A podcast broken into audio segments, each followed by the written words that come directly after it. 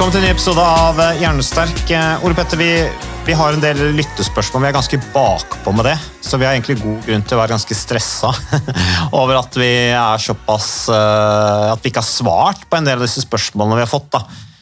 Så jeg bare tenker jeg begynner med en gang. Jeg har fått her et spørsmål om lyttespørsmål om utbrenthet og trening. Kan du kanskje minne litt om det forrige temaet, som var stress? som vi snakket om. Og Nå skal jeg lese opp spørsmålet her fra en småbarnsmor som nylig har opplevd å bli utbrent etter en lang periode med dårlig balanse mellom plikter og egenomsorg. Pliktoppfyllende dame, dette her altså. Symptomene skriver hun, begynte å melde seg fire måneder før smellen kom, og i denne perioden hadde jeg noen krampeaktige forsøk på å trene meg til overskudd, bedre form, men der jeg følte at jo høyere puls jeg hadde, jo dårligere ble jeg underveis etter trening. Så skriver hun videre ganske langt uh, spørsmål der. Fikk også plage med ekstra hjerteslag når jeg tok pauser i treningsøkten, noe jeg tidligere kun har opplevd under trening når jeg var gravid. Det føltes også som kroppen kjempet imot, i stedet for å flyte med, sånn som hun da vanligvis tydeligvis har erfaring med, sånn som er godfølelsen. Og så skriver hun videre Jeg manglet godfølelsen etterpå og opplevde ingen effekt av treningen. Jeg har også forsøkt å trene med litt intensitet, puls rundt 160, nå i etterkant at jeg ble utbrent, med, men med det resultat av at jeg blir svært dårlig når jeg tar pauser, samt i etterkant av treningen så skriver hun jeg blir kvalm, skjelver, generelt uvel. Jeg har et sterkt ønske om å komme meg i bedre form, og ikke minst komme meg ut av utbrentheten, og lure på om dere har noen råd til hvordan jeg skal gå frem. På forhånd, tusen takk med smiletegn. Her ble det mye, men uh, Ole Petter, du er veldig flink til å finne tråden i ting. Uh, henger du med? Jeg henger med. Ja. Jeg skal prøve å unngå å komme med en sånn lettvinte svar. Men jeg, jeg, skjønner jo veldig godt utfordringen her. Jeg må jeg bare si jeg er i dyp beundring over veldig mange, spesielt kvinner, mm.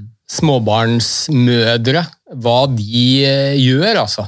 Ja, for her er, det en, er det en dame da, som prøver å gjøre riktige ting, ja.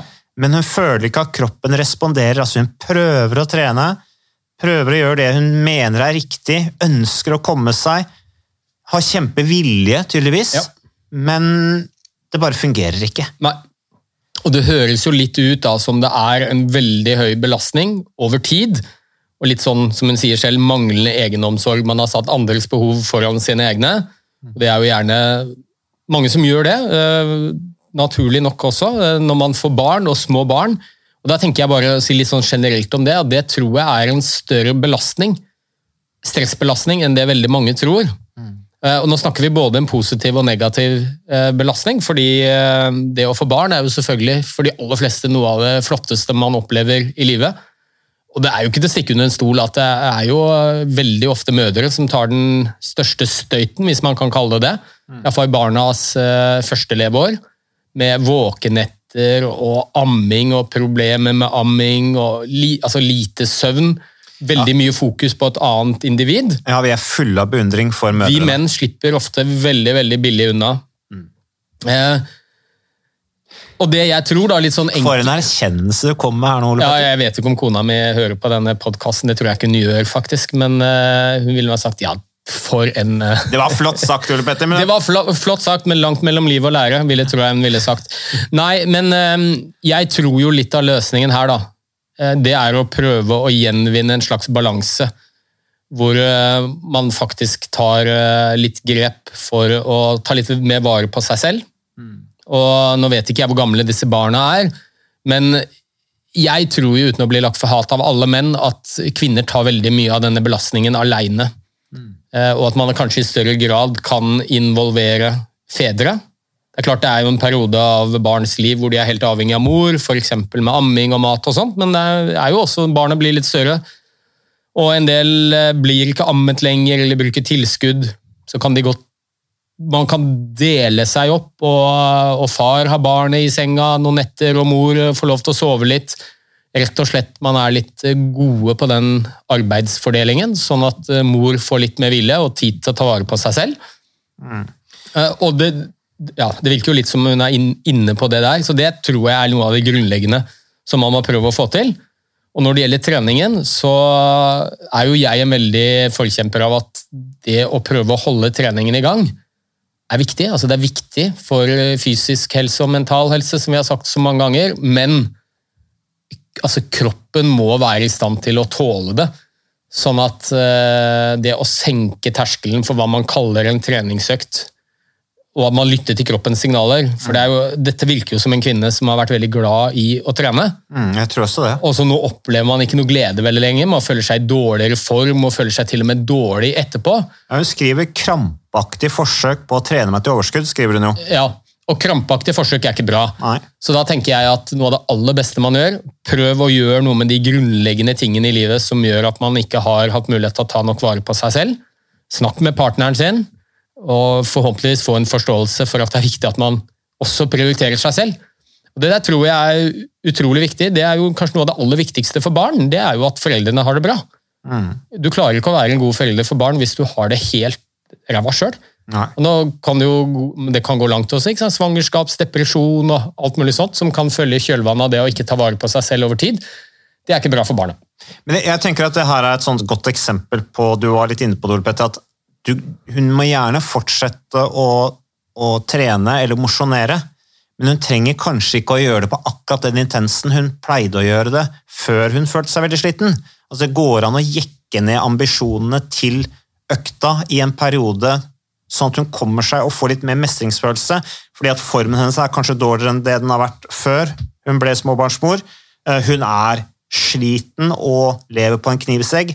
Og da trenger hun kanskje ikke å presse seg så hardt akkurat i den perioden. Nei, jeg, mener jo, jeg vil jo gå så langt som å si at hun bør ikke presse seg så hardt. Prøv å holde fast ved mosjonsrutinene, men gå deg en rolig tur med noen venninner, eller gjør noe sosialt hvor du får opp pulsen. Eh, altså Bare gjør noe som, eh, som, gjør at du holder deg i aktivitet, og vent til du merker at kroppen responderer på det, og at du føler glede ved det. Fordi å prøve å tvinge seg til å trene, så opplever du at du ikke én, har noe glede ved det, du får ikke noe framgang ved det. Det gjør bare vondt verre. Altså litt av poenget her er jo at skal du fortsette å ha trening og mosjon som en viktig del av livet ditt, så må det gi deg noe. Altså det må være et positivt element i livet ditt. Og Hvis du merker at det bare er negativt, så er det på tide å ta noen grep. Ja, Når kroppen ikke responderer, så da bør du ikke stå og stange hodet i veggen, tenker jeg. Eh, og, det er også, og så skriver jeg også jeg har forsøkt meg med litt intensitet, puls rundt 160.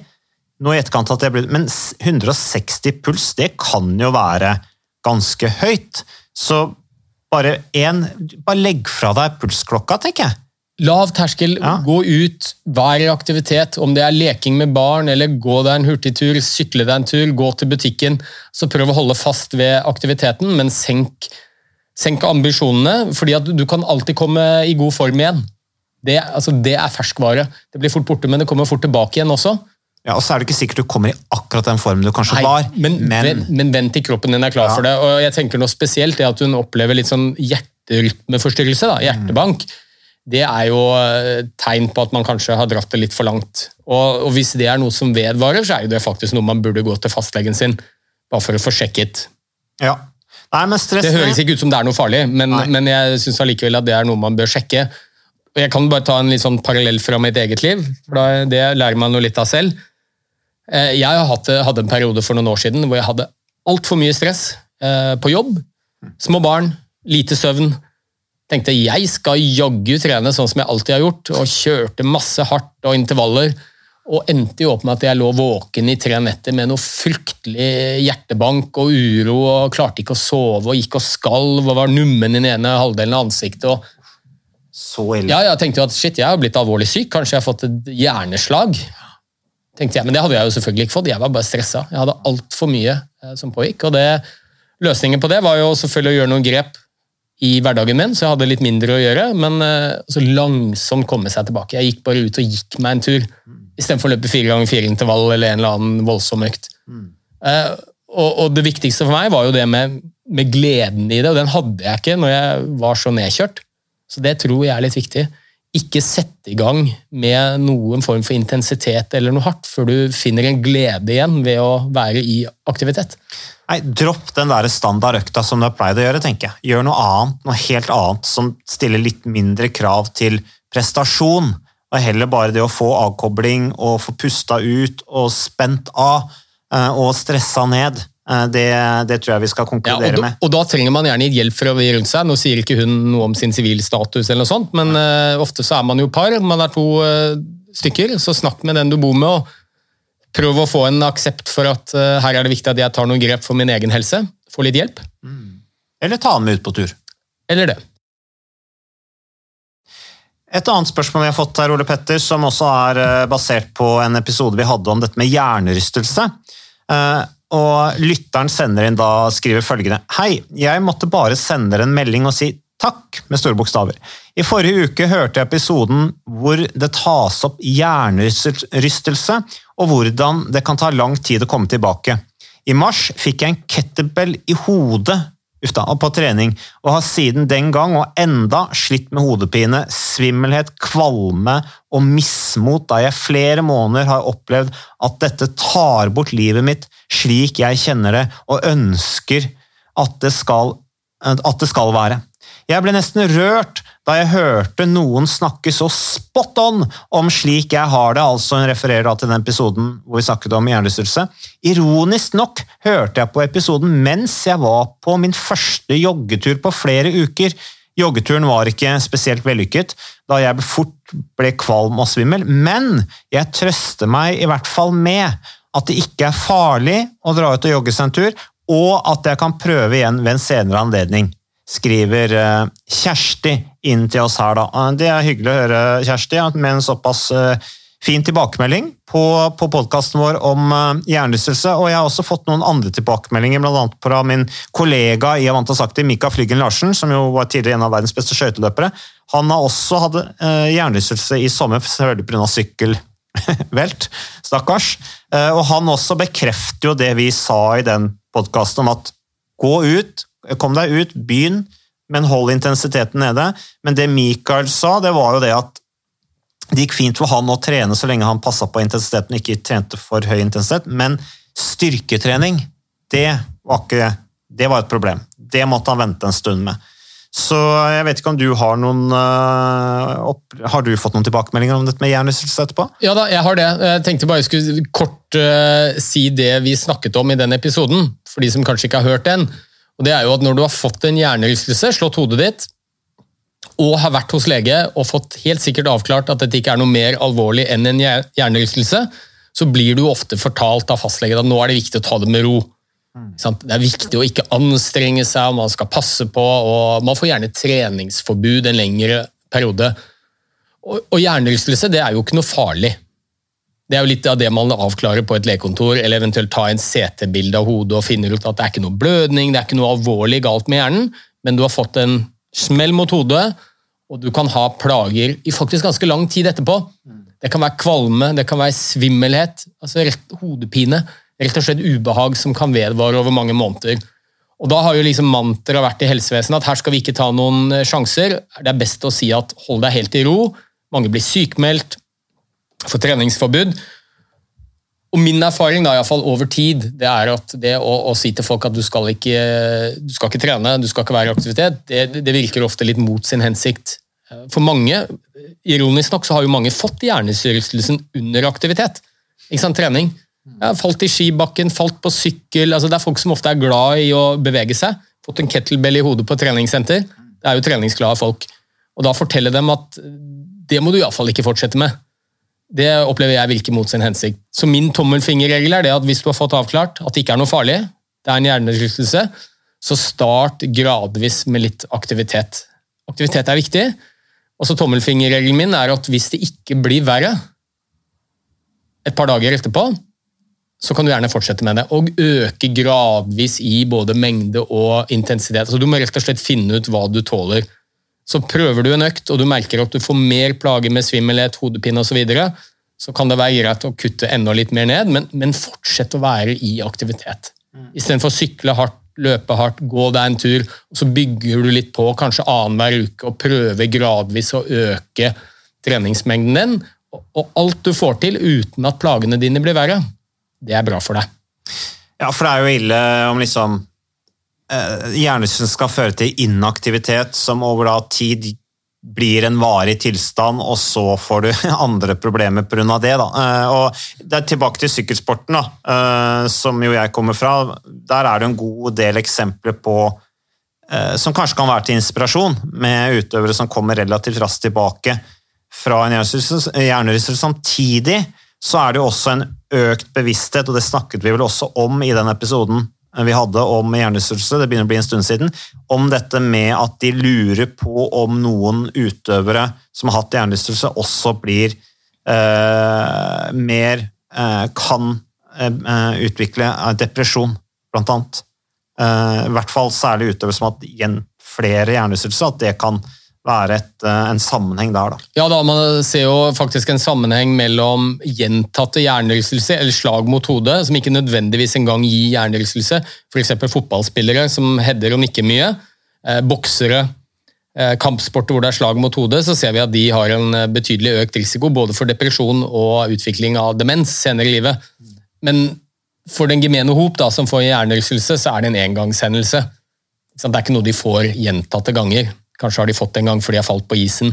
Og da, og da, tenker jeg at det er viktig å prøve å opprettholde, eller iallfall holde fast ved de rutinene man har på trening. Jeg tror vi fastleger ofte tenker at trening det er litt sånn rekreasjon og noe man kanskje gjør for å komme i god form og få sommerkroppen. og Så glemmer man litt at eh, treningen er en viktig del av manges liv. Mm. Det er viktig for livskvalitet, mestringsfølelse, mental helse. Eh, og da si at det kan du ikke gjøre i flere måneder, det tror jeg virker mot sin hensikt. Så prøv å gradvis øke. Det er ikke farlig. I verste fall så opplever du at symptomene ikke blir borte like fort, og kanskje kan de bli forbigående verre, men da må du skalere litt ned. Eh, men over tid så tror jeg det er den kjappeste veien tilbake til et normalt liv, da, hvis man kan kalle det det. Det er å prøve å holde fast ved aktiviteten, gradvis øke sikkert, men sakte, men sikkert. Blir det verre, så skru ned noen hakk. Hvis du ikke blir det verre, så kan du gradvis prøve å øke. Og Du spurte meg om jeg hadde fått noen tilbakemeldinger, og det har jeg gjort. da. Uh, og, og, det var en uh, ressurssterk, uh, frisk mann, veldig sprek, som kontaktet meg. Han hadde hatt to fall han, på ganske kort tid, og så hadde han fått en hjernerystelse. Og hadde blitt sykemeldt fra jobb. Mye svimmel, mye kvalm, mye hodepine. Og hadde blitt fortalt av legene sine at eh, fysisk aktivitet det måtte han holde seg unna. Han opplevde jo at den delen av livet, så Nå var han både sykemeldt fra en jobb han likte veldig godt, for der klarte han ikke å fungere, og så fikk han ikke lov til å trene heller. Og opplevde jo at livskvaliteten ble betydelig redusert av det. Så Han hadde bare fått tips om eh, mitt navn og at jeg hadde jobbet en del med dette, så han ringte meg og spurte om jeg hadde noen råd. Og Da sa jeg akkurat det jeg har fortalt deg nå. Så lenge du har fått avklart at dette ikke er noe mer enn en hjernerystelse, så ikke vær redd for å begynne å trene igjen. Forsiktig. Start med noen enkle gåturer, 20-30 minutter et par ganger i uka. Hvis ikke det blir verre av det altså Det behøver ikke bli noe bedre, nødvendigvis, men så lenge det ikke blir verre, så kan du tørre å prøve å øke eh, mengden og intensiteten gradvis. Og det hadde han tydeligvis gjort, da, for jeg fikk en melding fra han på Facebook her forleden. Hvor han bare takket veldig for tipset. Og Da hadde han akkurat gjennomført en fire-femmils sykkeltur for første gang på et halvt år. Så han følte han var nesten tilbake, sånn rent fysisk. Så bra. Så det er eh, håp selv om du får hjernerystelse. Det er det mange tilbakemeldinger på. og eh, Det eneste fornuftige er å prøve, men gradvis være litt forsiktig og være litt fornuftig. Og så er det et spørsmål her om eh, oppføl et oppfølgingsspørsmål på dette med nattskift, Ole Petter. Eh, vi hadde en egen episode om det. Eh, og Vedkommende skriver her Hei, Mats Ole Petter. Jeg jobber treskiftsordning som inkluderer nattevakter. Noen ganger så trener jeg på dagen for så å slite meg ut, sånn at jeg kan sove lenge midt på dagen. Eh, andre ganger så trener jeg før nattevakten. Hva er beste ordning av dette? Så skriver han videre. I jobben min så er det ofte mulighet for å sove på nattvakt eller trene. Hva burde jeg prioritere av dette? Så dette er altså en person som kan trene eller kan sove. Han har en lomme da dette jeg regner med da er i løpet av natta når han jobber nattevakt. Og et tredje spørsmål er at jeg har kollegaer som sverger til å trene rett etter nattevakten. Er dette bra? Spørsmålstegn. Uh, skal vi se her, Ole Petter. Uh, altså, Hvor skal vi begynne? Noen ganger så trener jeg på dagen for slitmør, slik at jeg kan sove lenge på dagen. Andre ganger trener jeg før vakten. Hva er beste ordning av dette? Jeg tenker vel kanskje at det blir litt sånn hipp som happ, ja, men jeg ville jo trent før nattevakta, kanskje, hvis du har mulighet til det? Ja, Mitt enkle, men kanskje litt irriterende svar er jo smole brum. Ja takk, begge deler. Mm. Altså Både søvn og trening er viktig for oss, for helsa. Og kanskje spesielt utsatt er jo de som jobber skiftarbeid. Vi vet at det er en ekstra belastning på kroppen og hjernen, eh, bl.a. fordi det er vanskelig å få gode søvnrutiner og få nok søvn. Så sant, Søvn er viktig, men det er jo den fysiske aktiviteten også. Igjen, to av de viktigste tingene for helsa vår. Være i regelmessig bevegelse, få nok søvn. Og, og jeg tror ikke det spiller så veldig stor rolle akkurat hva som skjer når, men hvis du kan prøve så godt som mulig, så langt det lar seg gjøre med den typen jobb du har, og ha litt forutsigbarhet på søvnrutinene dine, at du gjør det samme over tid. Mm. At du enten sover på natta eller dagen, at du ikke endrer og trener sånn noen ganger eh, før eh, du skal sove, og noen ganger etter du har sovet, men at du har litt rutine på det og får, prøver å få en forutsigbarhet på det, det vil nok gjøre at hjernen din lettere får søvn. Mm. Men jeg tror det er viktig å holde fast ved begge deler. Så Jeg tror ikke det spiller så veldig stor rolle akkurat når du gjør det, sånn rent hvordan kroppen responderer på det. Begge deler er viktig. Så prøv så godt du kan å få den søvnen du trenger, når du kan. Og det samme med trening. Men så var det jo spørsmål her. Spørsmål én og tre her henger jo sammen, da, Ole Petter, for han spør jo om det her eh, noen ganger trener jeg før, noen ganger trener jeg etter. Det har du svart på nå. Og så er tredje spørsmålet mitt eh, Jeg har kollegaer som sverger til å trene rett etter nattevakten. Og der blir vel, ikke sant Det er jo flott, tenker jeg, med kollegaer som trener rett etter nattevakten. Hvis det er deres rutine, og de har disiplin og ork til å gjøre det, så tenker jeg at det er bra. Ja, altså, jeg tenker tren når du kan.